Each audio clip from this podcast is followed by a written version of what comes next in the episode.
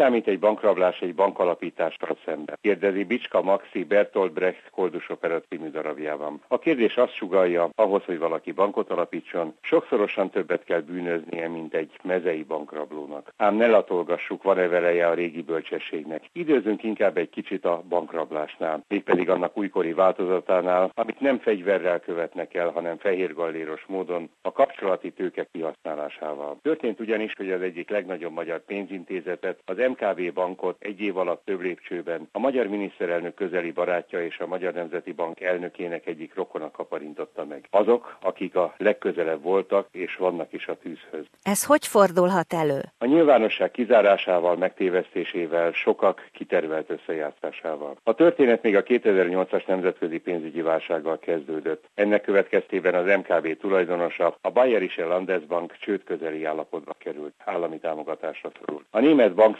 szanálásának egyik feltétele az volt, hogy ő maga is járuljon hozzá pénzügyi helyzetének rendbetételéhez, ne csak az adófizetők pénzét költsék erre. Ezért aztán több érdekeltségét el kellett adnia, köztük a magyar MKB bankot is. Csak hogy az idő telt múlt és nem akadt vevő. Mert ugyan kióhajtana a pénzügyi válság idején bankot vásárolni, pláne veszteségeset, mert a magyar MKB bizony keményen veszteséges volt. Végül a magyar állam mindössze 55 millió eurót fizetett a bankért. Mindemellett a Bayerische Landesbank búcsúzóul 270 millió euróval beszállt magyar leánya tőkéjének pótlásába. Csak hogy még ez nem volt elég. Ezért az MKB-t szintén szanálni kellett. Ezt a nemes feladatot a Magyar Nemzeti Bank vállalta magára. Ennek jegyében létrehozott egy szanáló szervezetet, ez a lejárt, bebukott hitelek fedezeteként banki tulajdonban ingatlanokat tetemes felárral vette át. Többet adott értük, mint amennyiért lett volna rájuk vevő. A szanálást az Európai Bizottság is ellenőrizte, és előírta, hogy a folyamat a bank privatizációjával érjen véget. Ez csak nem egy éve, 2016. június 30-án meg is történt. A vevők konzorciuma nagyjából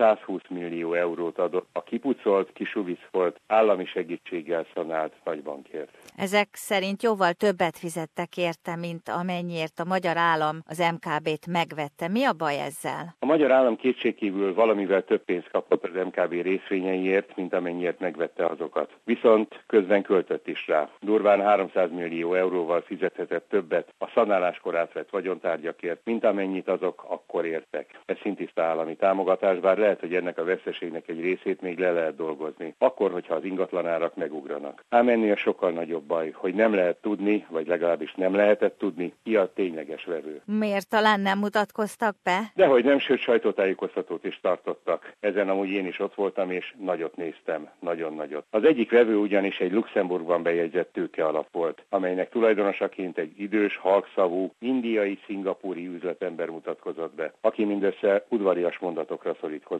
A másik vevő egy Magyarországon bejegyzett tőke alap volt, amelyet a sajtótájékoztatón nem a befektetők képviseltek, hanem a vezérigazgató. A harmadik mindössze 10%-os részesedést pedig egy nyugdíjalap szerezte meg. Bár a sajtótájékoztatón többen firtatták, hogy kik az igazi tulajdonosok. Erre ott Kerek Perez azt mondták, nem fogjuk megtudni. Pedig az Ultimate Beneficial Owner személyéből derül ki, hogy mennyire stabil a bank. Például képesek-e arra a tulajdonosok, hogy baj esetén tőkét emeljenek benne. A színen a sajtótájékoztatón megjelent vevők és képviselőik erről bizony nem tudtak meggyőzni minket. Ott a sajtótájékoztatón többen arra tippeltek, hogy az MKB a magyar miniszterelnök érdekeltségébe került. Nem közvetlenül, hanem egy-két baráti üzletember révén. A másik tipikus tipp az volt, hogy az eladó és a vevő végső soron ugyanaz. A Magyar Nemzeti Bank elnöke, netán az ő barátja, rokona. Egy civil szervezet a titkolózást nem is hagyta annyiban, és bíróságra ment, hogy megtudja valójában ki a végső tulajdonos. Arra hivatkozott, hogy a tranzakció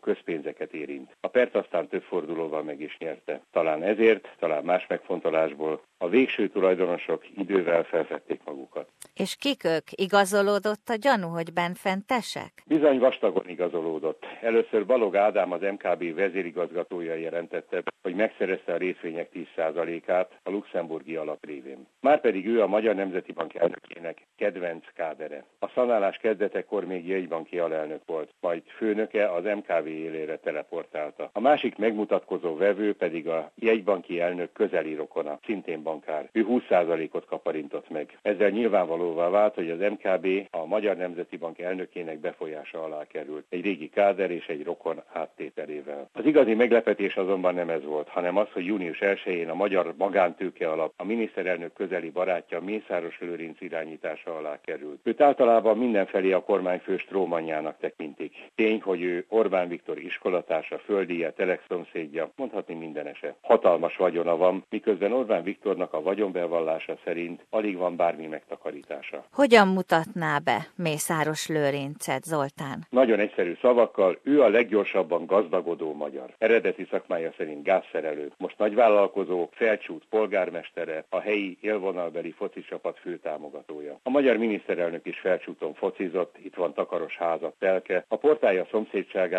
pedig szinte saját stadionja van, amely több nézőt képes befogadni, mindahány lakosa a kis településnek van. Mészáros Lőrinc nyakló nélkül kapta a zsíros állami megbízásokat. Tégei profitjából hatalmas birtokokat vásárolt meg. Gazdagodására jellemző, hogy 2013-ban már a 88. leggazdagabb magyar volt, közel 22 millió eurós vagyonával. Idén azonban már hatalmasat ugrott előre, az ötödik helyre lépett fel, majdnem 400 millió eurós vagyonnal. Ő finanszírozza a kormányhoz fű sajtó egy részét. Egyik érdekeltsége pedig közreműködött a legbefolyásosabb ellenzéki napilap a Népszabadság megszüntetésében is. Mészáros Lőrinc a befolyását az ötödik legnagyobb magyar bankra is kiterjesztette. Annak megállapítását pedig ezek után bízzuk a hallgatóra, hogy Magyarországon mi nehezebb, bankot rabolni vagy bankot alapítani. Attól függ, vágnám rá sejtelmesen.